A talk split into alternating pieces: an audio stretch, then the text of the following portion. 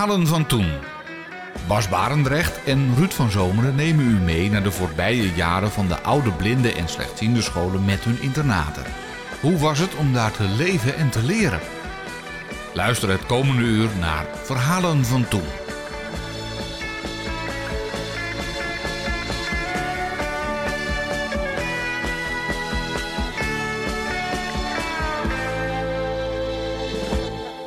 Van 1977 tot 1984 zit Tanja Vlokstra, toen nog Tanja Nijskens, op Blindeninstituut De Wijnberg in Graven. Elke dag gaat ze met de taxi vanaf haar ouderlijk huis in Empel, vlakbij Den Bosch, naar het instituut toe. Ze is dus extern, een van de weinigen op dat moment. Maar ze ondervindt daarvan weinig problemen. Later komen er meer kinderen die extern zijn en dan wordt het dus heel gewoon. In het laatste jaar dat ze op de Wijnberg zat, 1984 dus, vierde men het 125-jarig bestaan van Henricus. Bovendien vond in dat jaar, na een langdurig proces, de fusie plaats tussen beide blinde instituten, Henricus en de Wijnberg dus. Ter gelegenheid van deze feiten werd een musical geschreven en opgevoerd onder de titel Drie Donkerland. De liedjes uit deze musical zijn naar de hand op plaat gezet en tussen de gesprekken met Tanja door laat ik een aantal van die liedjes horen. De meeste kinderen waren intern. En uh, in de loop der jaren was er wel een opmars in uh, externe kinderen. Er kwamen steeds meer kinderen als ze een beetje in de buurt woonden. En bij mij was het ongeveer 30 kilometer van Graven af. Dus kon iedere dag met de taxi heen en weer. En er werd wel steeds meer gebruik gemaakt van uh, taxis. Dat ging dan via de gemeente. Moest je dat dan, mijn ouders hebben dat via de gemeente moeten regelen dat je dan heen en weer uh, vervoerd werd naar de school. En dan uh, bleef ik tussen de middag uh, op het internaat. Kwam ik wel gewoon in een vaste groep. Maar dan zat je dan als externe leerling, had je daar je brood. En je mocht ook warm eten. Maar dan moest je voorbij betalen, uiteraard. Maar dat, dat kon, dat kon je. Dat was best wel, waren ze best wel flexibel in. Maar dan moest je allemaal wel van tevoren natuurlijk aangeven. Dan kon je tussentijds ook eens een keertje weer wisselen. Dat was eigenlijk best wel uh, ja, handig, goed geregeld.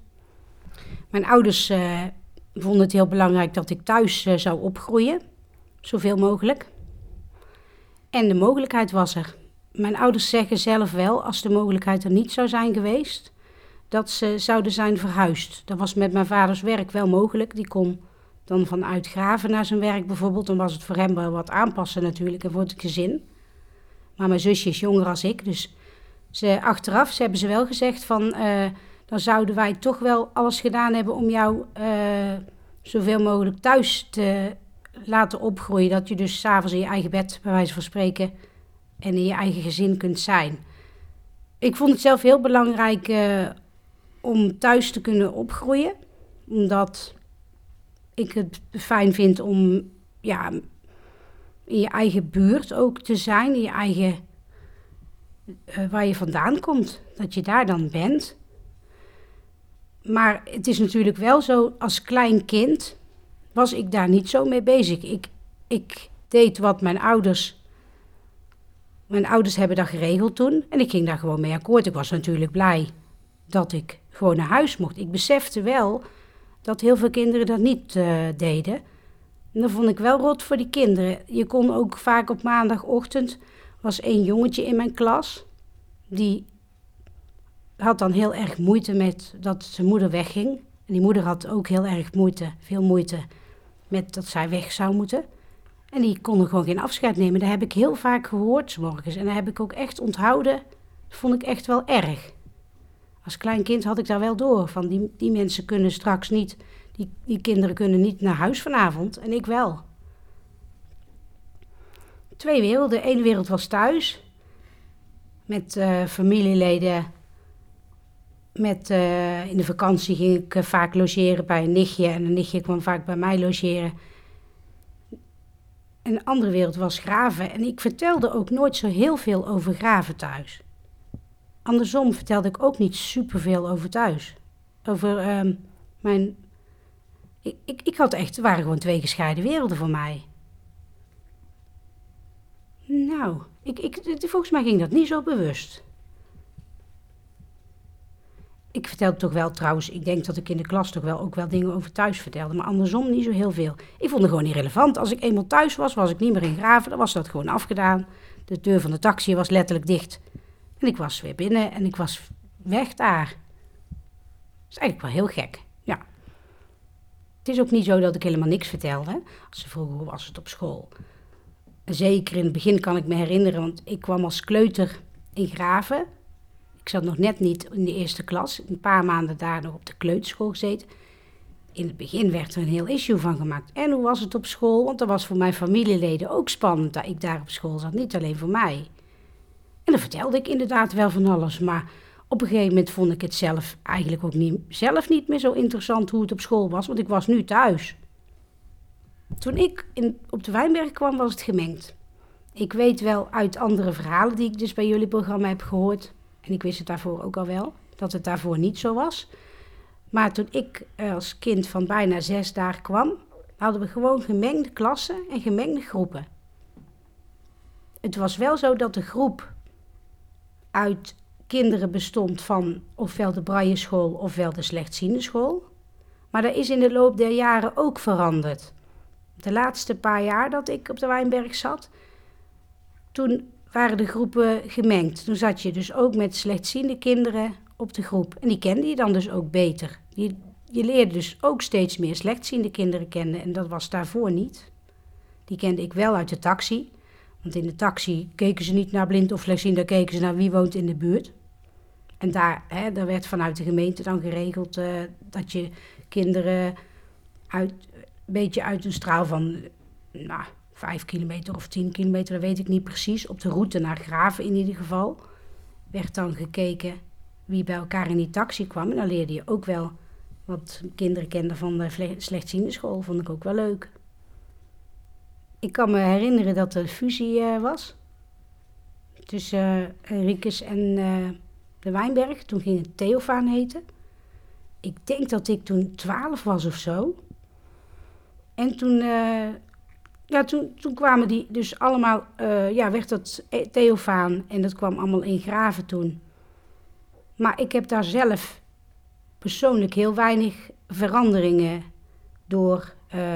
De, voor mijzelf waren er niet veel veranderingen in die tijd.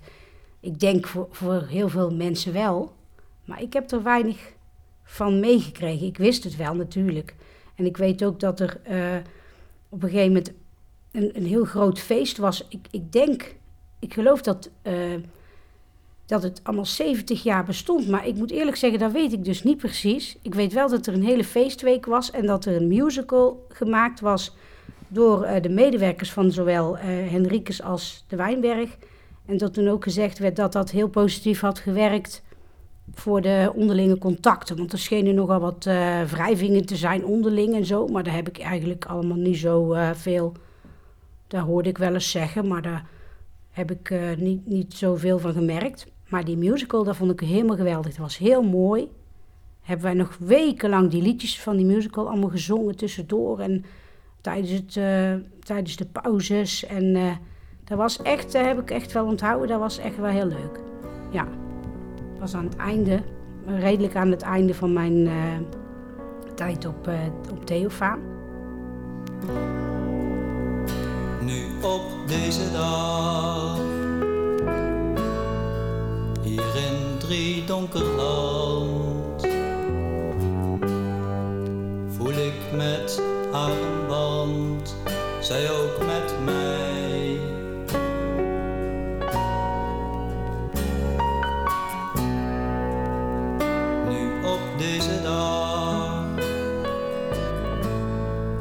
ze iets speciaals in mij. Oh, wat voel ik haar dichtbij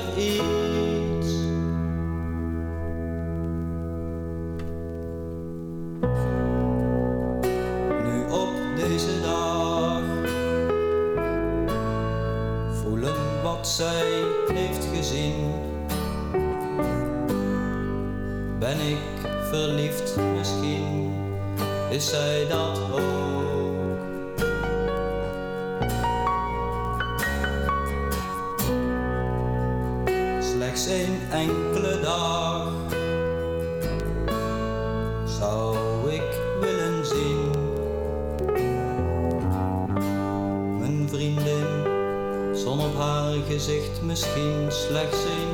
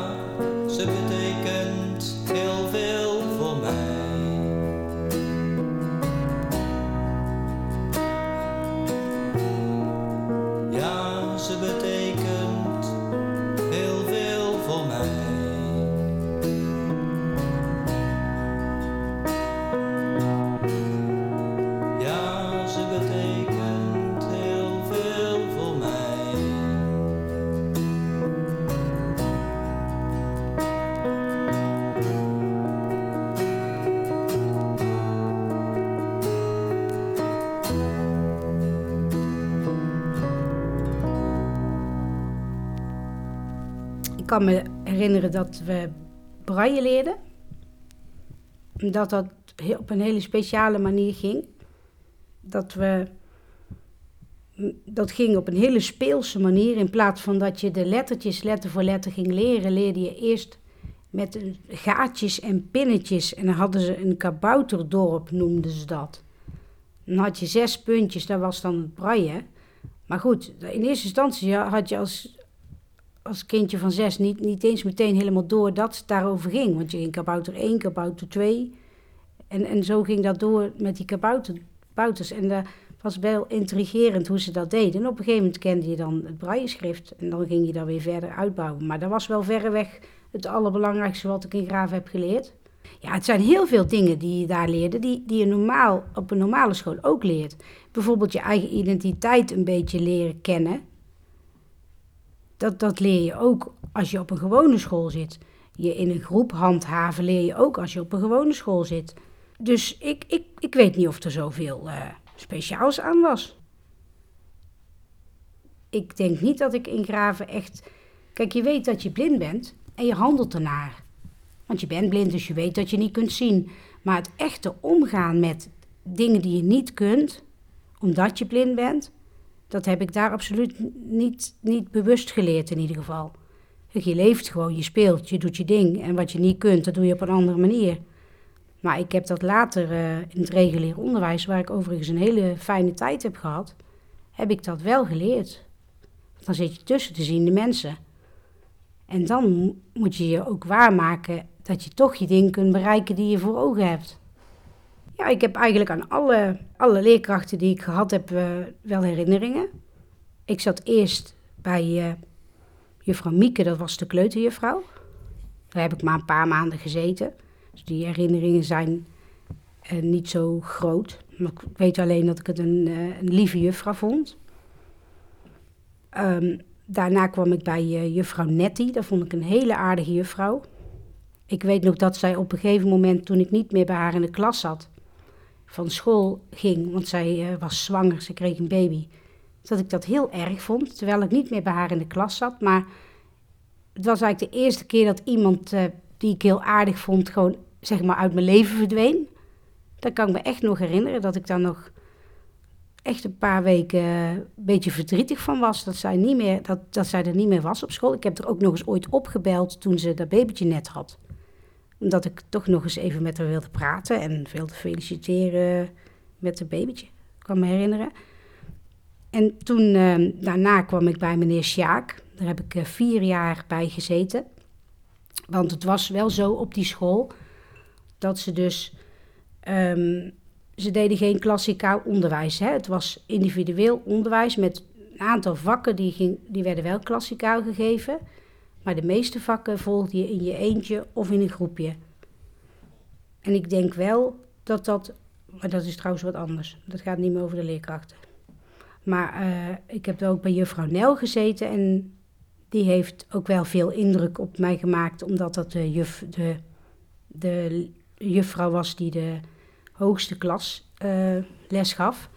En van haar, door haar werd je echt letterlijk klaargestoomd voor het, voor het eh, eh, vervolgonderwijs. Dus bij haar zat er ook echt druk op dat je moest presteren om het, om het allemaal voor elkaar te krijgen. En die druk had ik eigenlijk wel nodig om goed te presteren. En ik had de indruk die jaren ervoor dat er helemaal niet zoveel druk op zat, omdat het individueel onderwijs was voor een deel. En dan kon je dus heel gemakkelijk een dag niet zoveel doen. Of, of een beetje rustig aandoen en dan had je het niet af en dan maakte je het de volgende dag af. En ja, dat, dat denk ik dus wel dat het soms een nadeel was. Ik denk wel dat het met redenen gedaan is dat ze op die manier onderwijs gaven. Maar voor mij persoonlijk, als ik erop terugkijk, want toen had ik dat helemaal niet door. Als ik nu kijk naar mijn eigen kinderen bijvoorbeeld, dan denk ik, ja, als je klassikaal onderwijs hebt, dan is er een bepaalde druk dat je het moet kunnen volgen. Dat je dat je, je klas bij moet houden, zal ik maar zeggen. En dan zal het heus wel zijn reden hebben gehad dat ze dat niet deden, want ja, het is natuurlijk een andere situatie. Daar ben ik me wel van bewust. Maar ik heb vaak gewoon niet hard mijn best gedaan als ik erop terugkijk. Die druk was er gewoon vaak niet. En pas de laatste jaren bij juffrouw Nel werd ik echt achter, mijn, achter, mijn, eh, achter de broek gezeten, zou ik maar zeggen. Van hup, hup, hup, ga naar je tafel, hup, hup, hup. Ja, dat je gewoon dacht, ja, laat, laat ik inderdaad maar eens opschieten. En ik denk ook weer niet dat ik nou zo'n slome, slome mens was. Maar, maar het had best af en toe wat sneller gemogen volgens mij, ja. Ik had in mijn laatste jaar gingen een aantal kinderen waar ik heel, heel veel mee omging. Die waren al wat verder, die waren een jaar verder dan ik en die gingen naar de middelbare school. Tegelijkertijd was er een nieuw meisje in de klas gekomen. Zat nog niet zo lang op het uh, blindeninstituut. En met dat meisje uh, kon ik uh, niet goed opschieten. Dat was, dat was helemaal geen leuk jaar. Wij hadden geen. Ik ben in die tijd ook wel door haar gepest. En zij, wist, zij wist precies hoe zij mensen op hun zwakke plek kon raken. En ja, dat, dat deed ze ook. En dan werd ik altijd heel boos en dat wist ze wel. En dan, nou ja, dat, dat werd er niet beter op in de loop van dat jaar. En daar ben ik wel heel sterk van geworden. Want ik heb toen gedacht, ik laat me door jou niet ringelen horen. En zij zei van, uh, nou, jij kunt het niet redden straks op een gewone school. Want uh, dat kun jij niet. En dan dacht ik bij mezelf, ik zal wel eens even laten zien wat ik kan. Daar weet jij helemaal niks van. En die medeleerling had ook de problemen waardoor zij zo was. Ik bedoel, hè, alles heeft twee kanten. Maar uh, dat heeft mij uh, sterk gemaakt. Sterker dan ik was. En ik heb het uh, heel duidelijk wel gered op een middelbare school en op een HBO-opleiding. Dus het heeft mijn vechtlust aangewakkerd, zal ik maar zeggen, dat jaar. Er was een, een speciale tak van onderwijs daar ook. Dat heette toen volgens mij VBO. Dat was toen uh, voortgezet buitengewoon onderwijs. Want dat VBO is ook weer iets anders geweest daarna. Die afkorting heeft verschillende betekenissen gehad. Maar in die tijd dat ik in Graven zat, heette dat VBO. Maar daar is nooit sprake van geweest. Want ik wilde zelf heel graag naar een gewone middelbare school. En op school raden ze dat ook aan. Dat ik naar een gewone middelbare school uh, zou kunnen. En toen zijn we op een gegeven moment op zoek gegaan. Uh, mijn ouders zijn daar in eerste instantie naar op zoek gegaan. En toen ze een paar scholen hadden gevonden, toen ben ik meegegaan. En uh, dan moet er gekeken worden of scholen je aan willen nemen. Hè? Want je bent wel een, hoe je het ook bekijkt, je bent wel een, een uitzondering. De rest van, uh, van je leven ben je dan gewoon een, in, met tijd en wijlen ben je gewoon een uitzondering.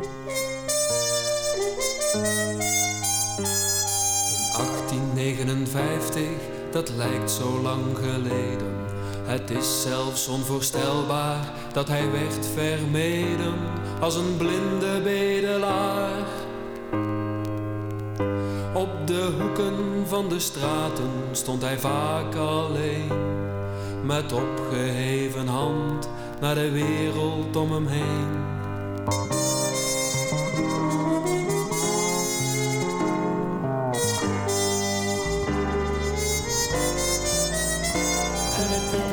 Sloot ogen, ja slechts heel even maar. En wij voelden ons bewogen tot het maken van een gebaar.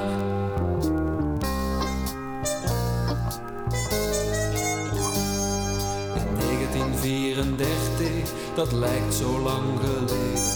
Men was met hem verwant, hij bezocht zelfs grote steden, de blinde muzikant. Op het podium van de zaal stond hij vaak alleen. De muziek vormde de wereld om hem heen.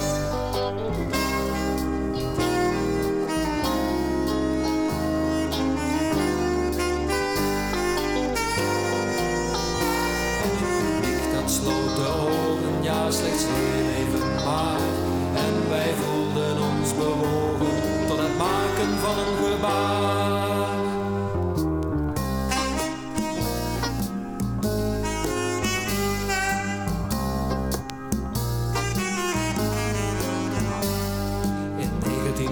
1984 hebben wij veel gedaan om een blinde als ziende in de wereld te doen staan.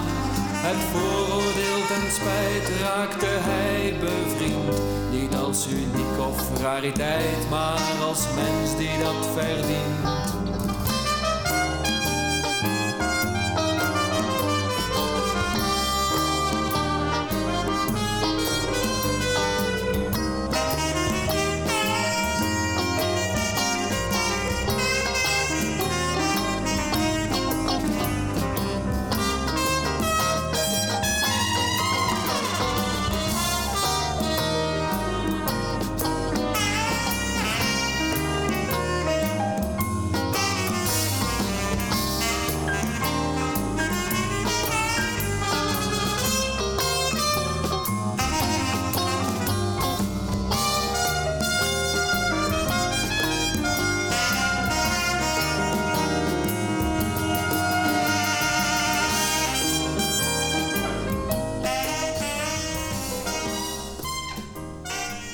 Ben eh, vanaf de brugklas naar een gewone school gegaan.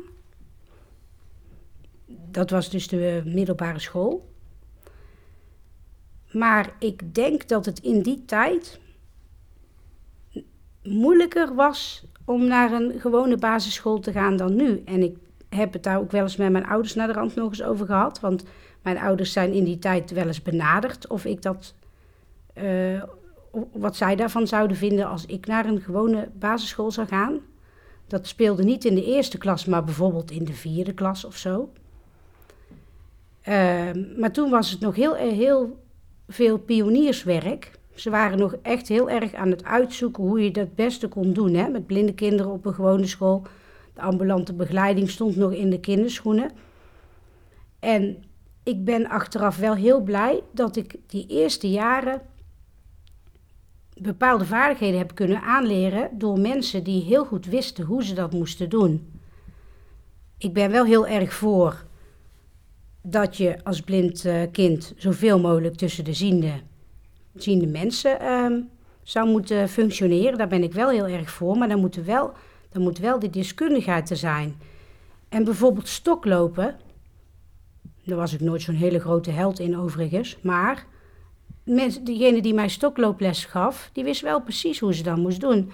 En dat was gewoon tussen de lessen door. Dus je, had, eh, je zat te rekenen en een kwartier later had je stoklooples. Dat zat gewoon geïntegreerd in je programma. van de dag. En wat ik ook wel denk is, toen ik in Graven zat, voelde ik me nooit een uitzondering. Want ik was gewoon één blinde tussen de blinden. We maakten af en toe ook grapjes. Dan zeiden we kijkers uit. Dan liepen we expres tegen elkaar aan. Dan zeiden we blinde kijkers uit of zo. Nou, dat vonden we allemaal heel erg leuk. We lagen zelf helemaal in een deuk. Zienden vinden dat lang niet altijd leuk. Dus het was ook een bepaalde manier om, om met je blindheid om te gaan. En ehm, als je dus als enige blinde leerling op een uh, gewone school uh, zit. En ik denk zeker als je op de basisschool zit en je bent echt nog best klein in het begin.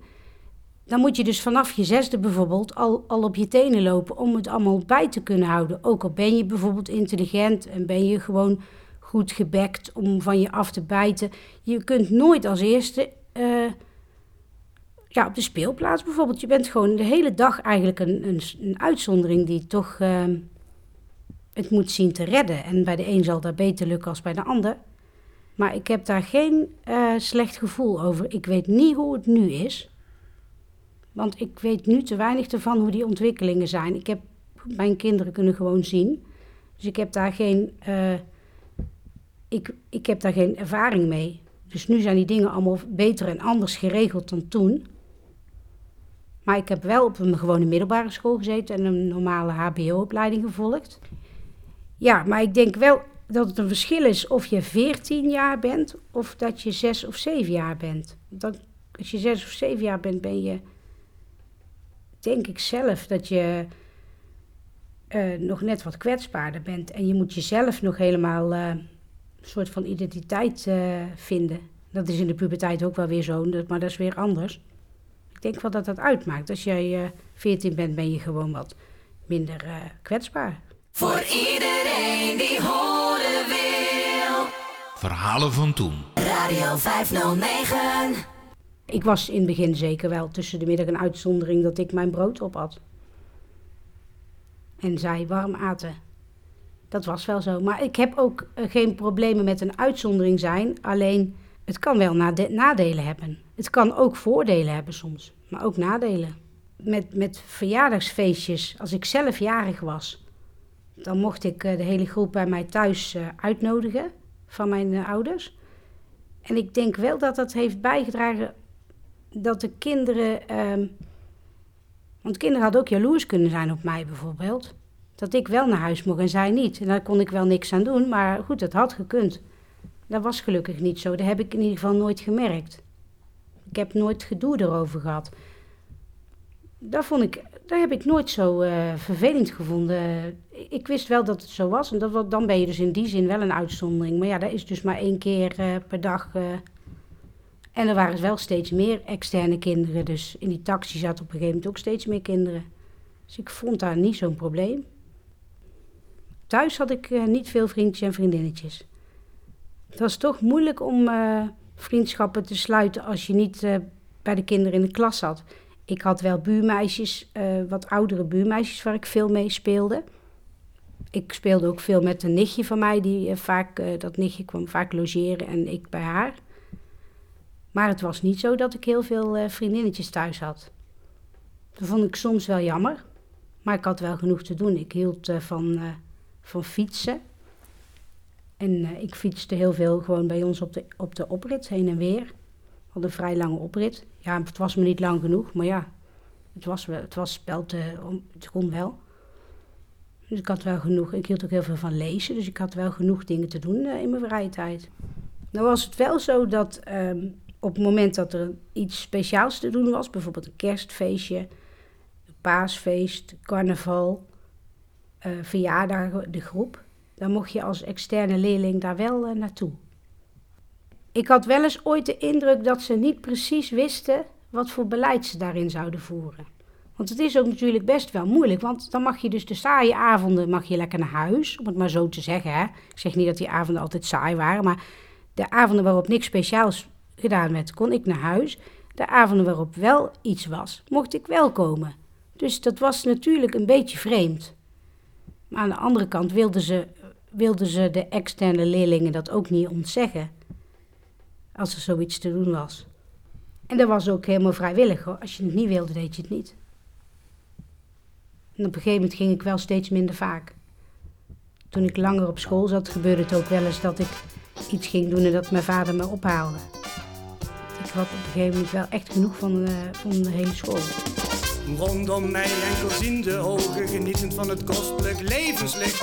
Vele malen ben ik bedrogen, beschaamd men zijn aangezicht. Dus lig ik hier als verschoppeling op straat, vertrapt, verguisd en met gescheurde kleren. Dank ik God voor iedere dageraad, al moet ik vele dingen ontberen. Dat is het rijk van de eeuwige nacht. Thank you.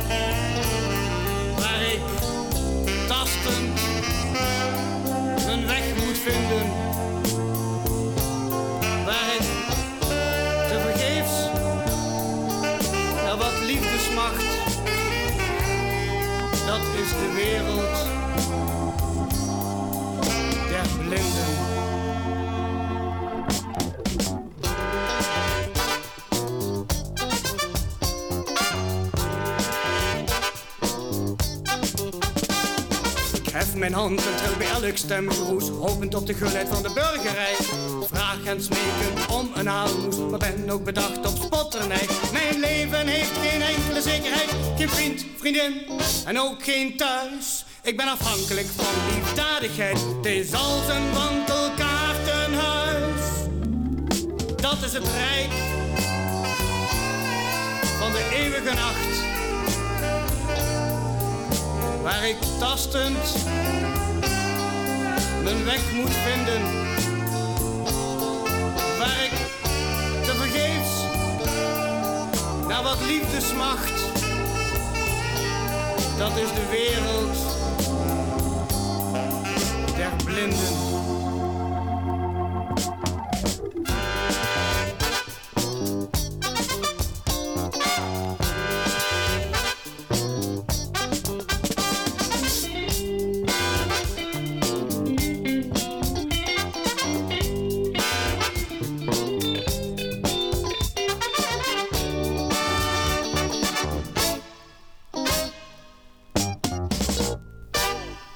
Radio 509 met het programma Verhalen van Toen. En vandaag het verhaal van Tanja Vlokstra. Ik wilde heel graag weg in Graven. Waardoor het voor mij niet zo moeilijk was om iets anders te gaan proberen. Want ik zag het echt als een uitdaging. En als er een keer wat tegen zat, dan dacht ik bij mezelf: ik zit nu in ieder geval niet meer in Graven, hoe dan ook. En dan kon ik weer verder. En ik, eh, ik had het goed naar mijn zin op de middelbare school. Ik kreeg eh, goede begeleiding. En ik had een leuke klas. Op de eerste plaats was ik het gewoon beu om op het instituut te zitten. Ik zat dan niet op het internaat, maar ik zat wel op de school. En ik zat tussen allemaal andere blinde leerlingen. En ik vond het leek mij heel erg leuk om op een normale school te zitten met ziende leerlingen. En dus geen, ja, je bent dan dus wel een uitzondering, maar je zit wel op een normale school. En dat, dat wilde ik heel graag. Ik wilde op een gewone school. Ik wilde tussen de, in de normale wereld, zal ik maar zeggen, wilde ik op school zitten. En ik heb dat laatste jaar, wat ik net al zeg, heb ik gewoon eh, helemaal, vond ik het helemaal niet leuk op school. En dat heeft mij, eh, eh, ja, toen ik eenmaal van school af was, heb ik dat, dat graven verhaal, zal ik maar even zeggen, ook heel lang ver van me afgehouden. Ik heb eh, ook weinig contact meer gezocht met vroegere vriendinnen. Ik stuurde wel een brief terug als ze mij een brief schreef, want dat had je toen nog, hè, stuurde elkaar echt brieven. En je belde elkaar. Maar ik, het ging niet vaak van mij uit, want ik, ik was het zat, ik wilde dat helemaal niet meer. Ik wilde eigenlijk gewoon een ziende blinde zijn. Nou ja, dat is natuurlijk niet waar. Dat, dat, dat, daar ben ik mezelf naar de rand ook nog wel in tegengekomen. Want je wordt nooit ziend, je bent gewoon blind. En wat is er mis met blinde vrienden? Niks.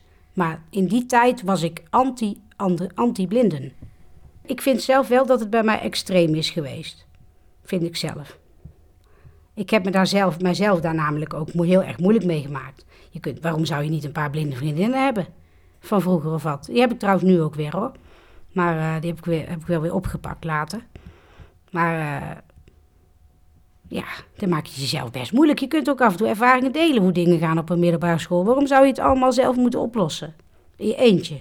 Het wiel uit moeten vinden. Als een ander het wiel al lang ooit heeft uitgevonden. Dat is eigenlijk, eigenlijk wel eh, een beetje raar. Een beetje een soort tegenreactie of zoiets. Tuurlijk vond ik de eerste dag spannend. En de eerste week ook nog wel. Wat overigens met alle brugklassen het geval is. Maar ik, uh, er zaten wat. Uh, ik kom zelf uit een dorpje tegen Den Bosch aan, dat heet Empel. En er zaten wat kinderen uit Empel bij mij in de brugklas. Die kende ik zelf niet, maar zij kenden mij wel, want zo gaat dat. In die dorpjes weet je dan wel van daar is dat blinde meisje. En uh, het feit dat ik een uitzondering was in de klas, dat betekende in mijn geval dat mijn klasgenoten het ook interessant vonden. Die wilden weten hoe zo'n brailleermachine, wat dat precies was. Die wilden wel zo'n braille-alfabetje. Uh, ik legde dat allemaal braaf uit. En intussen probeerde ik te observeren hoe, hoe, hoe die kinderen waren. En dan probeerde ik in die uitzonderingspositie van de eerste tijd. Of de uitzondering blijf je dan wel, maar in de positie waarin de mensen, de kinderen dat interessant vonden, probeerde ik mijn vrienden te maken ik was me daar wel van bewust dat het niet heel lang zou duren. Dus ik probeerde in die tijd dat, dat die periode was, probeerde ik vriendinnen te maken in dat groepje uit Empel. En dat lukte. En, en toen heb ik gewoon, ondanks dat ze aan mij gewend raakten, vonden ze me blijkbaar gewoon als persoon aardig. En toen ben ik gewoon, daar heb ik het daar uh, goed naar mijn zin gehad. Natuurlijk zijn dingen moeilijk. Ik wil echt niet zeggen dat het alleen maar makkelijk was. Ik bedoel, ik ging op een gegeven moment op dansles. Nou, op een gewone dansschool. En dat vond ik heel erg leuk. Maar ik had wel af en toe extra hulp nodig. En je was ook wel eens je vrienden kwijt. Als je s'avonds op zo'n dansavond zat en je merkte dat ineens iedereen al aan dansen was. En je had het niet gehoord, omdat er harde muziek was. Ik zeg niet dat het allemaal makkelijk was. Maar het lukte me wel. Maar ik heb net zo goed wel op een gegeven moment een dip gekregen hoor. Ik wil helemaal niet zeggen dat ik allemaal zo goed was of wat. Maar ik, ik heb wel een, een, prettige tijd gehad op de middelbare school. Ik heb uh, tot en met 5 HAVO gedaan. En toen heb ik nog 5 VWO gedaan. Maar dat was, uh, daar heb ik niet afgemaakt. Dat lukte niet goed. Het was te hoog gegrepen. En toen ben ik HBO eh, maatschappelijk werk gaan doen. Ik heb wel een periode gehad, maar ik heb geen idee of dat zinvol is voor dit. Want het gaat niet meer over het internaat, maar wel over uh, blindheid. Dat ik uh, verliefd was op een uh, ziende jongen. Had ik tijdens mijn vakantiewerk, toen ik eindexamen had gedaan, heb ik daarna vakantiewerk gedaan. En toen leerde ik die jongen kennen. En die heeft mij gezegd dat hij mij wel heel leuk vond, maar dat hij niks met mij wilde, niks met mij wilde omdat ik uh, blind was en dat vond hij te moeilijk. En toen heb ik wel heel veel uh, moeite gehad een tijdje met mijn handicap. Omdat ik, omdat ik toen opeens ook niet meer... Het, overal dook mijn handicap gewoon op vanaf dat moment. Die kon er gewoon niet meer onderuit, zou ik maar zeggen. En ik vond het heel onrechtvaardig, omdat ik niks aan mijn handicap kon doen. Dus ik was boos op hem omdat ik hem een uh, slappeling vond, omdat hij, uh, omdat hij het niet wou proberen. En ik was boos omdat ik blind was en dat niemand daar iets aan kon doen. En, en het, ik had van die mechanismen dat ik altijd zei van... Ah, het is nou eenmaal zo, volgende keer beter, schouders eronder. En dat werkte niet meer. Want het, was, het, het werkte gewoon niet. Daar heb ik echt wel veel, veel last van gehad toen. Nou, toen heb ik wel hulp gezocht. Want ik vond het, het, leek wel op, ik was eigenlijk, mijn puberteit was min of meer voorbij, maar ineens had ik er ook een soort terugslag in. Ik, ik was gewoon even helemaal het spoor bijster hoe ik het allemaal moest doen. Ja, en toen lukte 5 VWO niet. En dat had allemaal misschien wel met elkaar te maken ook hoor, dat kan best. En uh, toen, toen ben ik dus HBO eh, gaan doen, maar daar vond ik, HBO vond ik wel moeilijker dan de middelbare school. Op de middelbare school zijn bepaalde dingen nog wel gestructureerd. Hè? Als je daar bijvoorbeeld... Bij bepaalde vakken zit je op een bepaalde plek. Dus als je in de klas komt, ga je op die plek zitten, zit je naast die persoon en achter die persoon. Op de HBO-opleiding was het zo dat je, je, je had iedere keer andere lokalen, daar ging je dan naartoe. En dan ging je zitten waar, waar je wilde zitten. In mijn geval was het altijd zo dat ik een van de laatste daar kwam. En als ik ging, ging ik dus zitten waar plaats was in plaats van waar, waar ik wilde zitten. Maar dan heb je daardoor kun je niet bij het groepje gaan zitten waar jij eigenlijk zou willen zitten. Waarvan jij denkt dat zijn aardige mensen. Je hobbelt gewoon achter iedereen maar aan te sjouwen. En daar, daar had ik echt eh, wel, dat vond ik wel moeilijk. Ik vond het moeilijk om daar een plekje te verwerven als persoon. En dat is wel veranderd toen ik mijn geleidehond kreeg. Daar werd, toen werd het echt veel beter. Want toen voelde ik me ook weer beter omdat ik een hond kreeg. En ik denk, nou, dat is toch wel weer een leuk voordeeltje. Ik heb nou wel een geleidehond, kan ik overal mee naartoe. Eh, was heel gezellig. Eh, je had ineens weer veel meer vrijheid. Eh dat heeft me wel gewoon weer de... Toen is het weer, tij weer gekeerd, zou ik maar zeggen. Glansrijk haalde ik de MAVO, psycholoog die deed een test. Kon gemakkelijk naar de HAVO en ik had zelfs geen protest. Naar de HAVO is naar huis, ja zo dacht ik bij mezelf. Met behulp van straks dan toch vanzelf. Door de tanden, ja de tanden Neem ik afscheid van de jongens en de leiding. Maar het leven is mijn streven. Weg van het grote instituut lijkt een bevrijding. Gewoon naar huis toe gaan, onzeker Om alles hoe het was, de groep en ook de. Ik moet nu gaan, alles ten spijt. Zoals men zegt, het is van mij de hoogste tijd.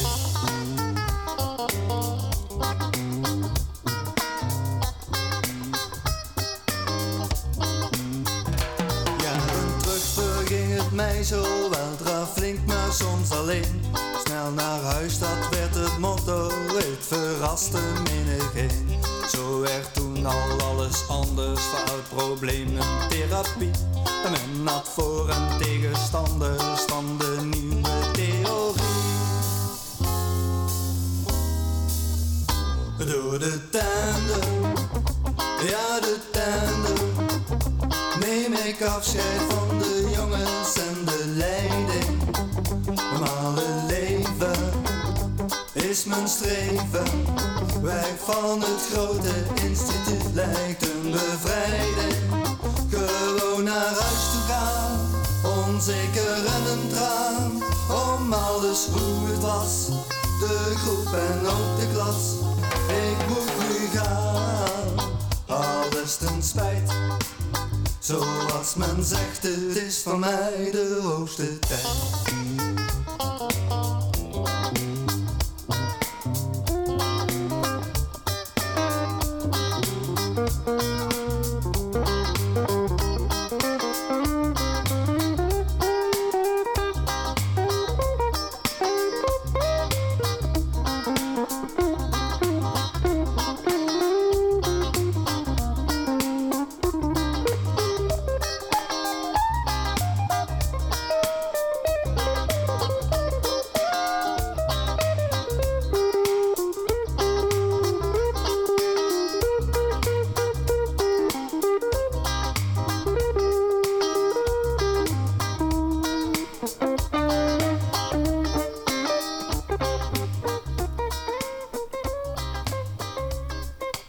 Musical 3 Donkerland. Ter gelegenheid van het 125-jarig bestaan van instituut Henricus en fusie tot het instituut Theofaan dus. Terug naar Tanja Vlokstra. Ze heeft een eh, hbo-opleiding maatschappelijk werk gedaan. Heeft ze daar ook in gewerkt? Nou, ik, eh, ik heb er ook niet veel in gewerkt naar de rand, want er waren heel weinig, eh, was wel weinig werk in te vinden. Maar eh, ik was in 19, eh, 1995 denk ik afgestudeerd. Weet ik eigenlijk even niet uit mijn hoofd. Dat, dat weet ik, zou ik na moeten, precies na moeten zoeken. En eh, uiteindelijk heb ik eh, nooit een, een betaalde baan in het maatschappelijk werk gevonden. Dus in die zin was het misschien niet de plek. Nee. Maar het was wel voor mij een goede plek, want ik heb daar heel veel geleerd. En eh, ondanks dat die eerste paar jaar best wel moeilijk waren... Ik denk dat iedereen ook moeilijke dingen mee, mee moet maken om... eh, ja, ik bedoel, het kan niet alleen maar makkelijk gaan. Ik heb eigenlijk altijd gehoopt op een gezinnetje. Maar daar ga je niet voor studeren. gelukkig heb ik het uiteindelijk wel eh, gekregen. Soms zeggen mensen wel eens tegen kinderen: wat wil je laten worden? En dan zegt zo'n meisje: moeder. Nou ja, eigenlijk wilde ik dat ook al van kleins af aan. Maar dat wil niet zeggen dat ik niet, dat ik niet wilde studeren. Maar ik had altijd in mijn achterhoofd dat ik, dat ik hoopte dat ik een, een partner zou vinden en kinderen zou krijgen. Het klinkt allemaal misschien heel kneuterig, maar het is gewoon zoals het was. Verhalen van toen met Ruud van Zomeren en Bas Barendrecht op Radio 509. Als ik erop terugkijk, wel een goed, eh, op terugkijk, wel een goed gevoel. Je, je was daar veilig. Je werd goed begeleid. Er werd, werd wel over nagedacht wat, ze- wat er gedaan werd, zeg maar. Er werd niet, er het was gewoon een, ik denk dat ze heel veel dingen goed aanpakten.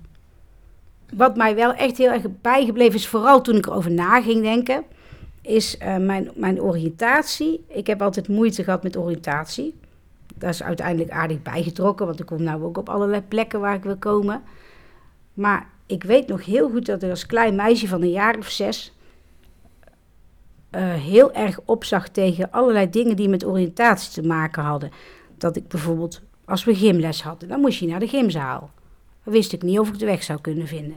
Als je klaar was, moest je weer terug naar de klas. Nou, dat is als je blind bent net zo moeilijk als de heenweg, zeg maar.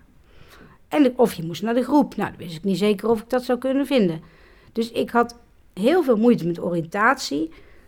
En in plaats van dat ik mijn energie stak in het leren van de weg, stak ik mijn energie in het achter andere kinderen aanlopen die dezelfde weg liepen, zodat ik er ook kwam.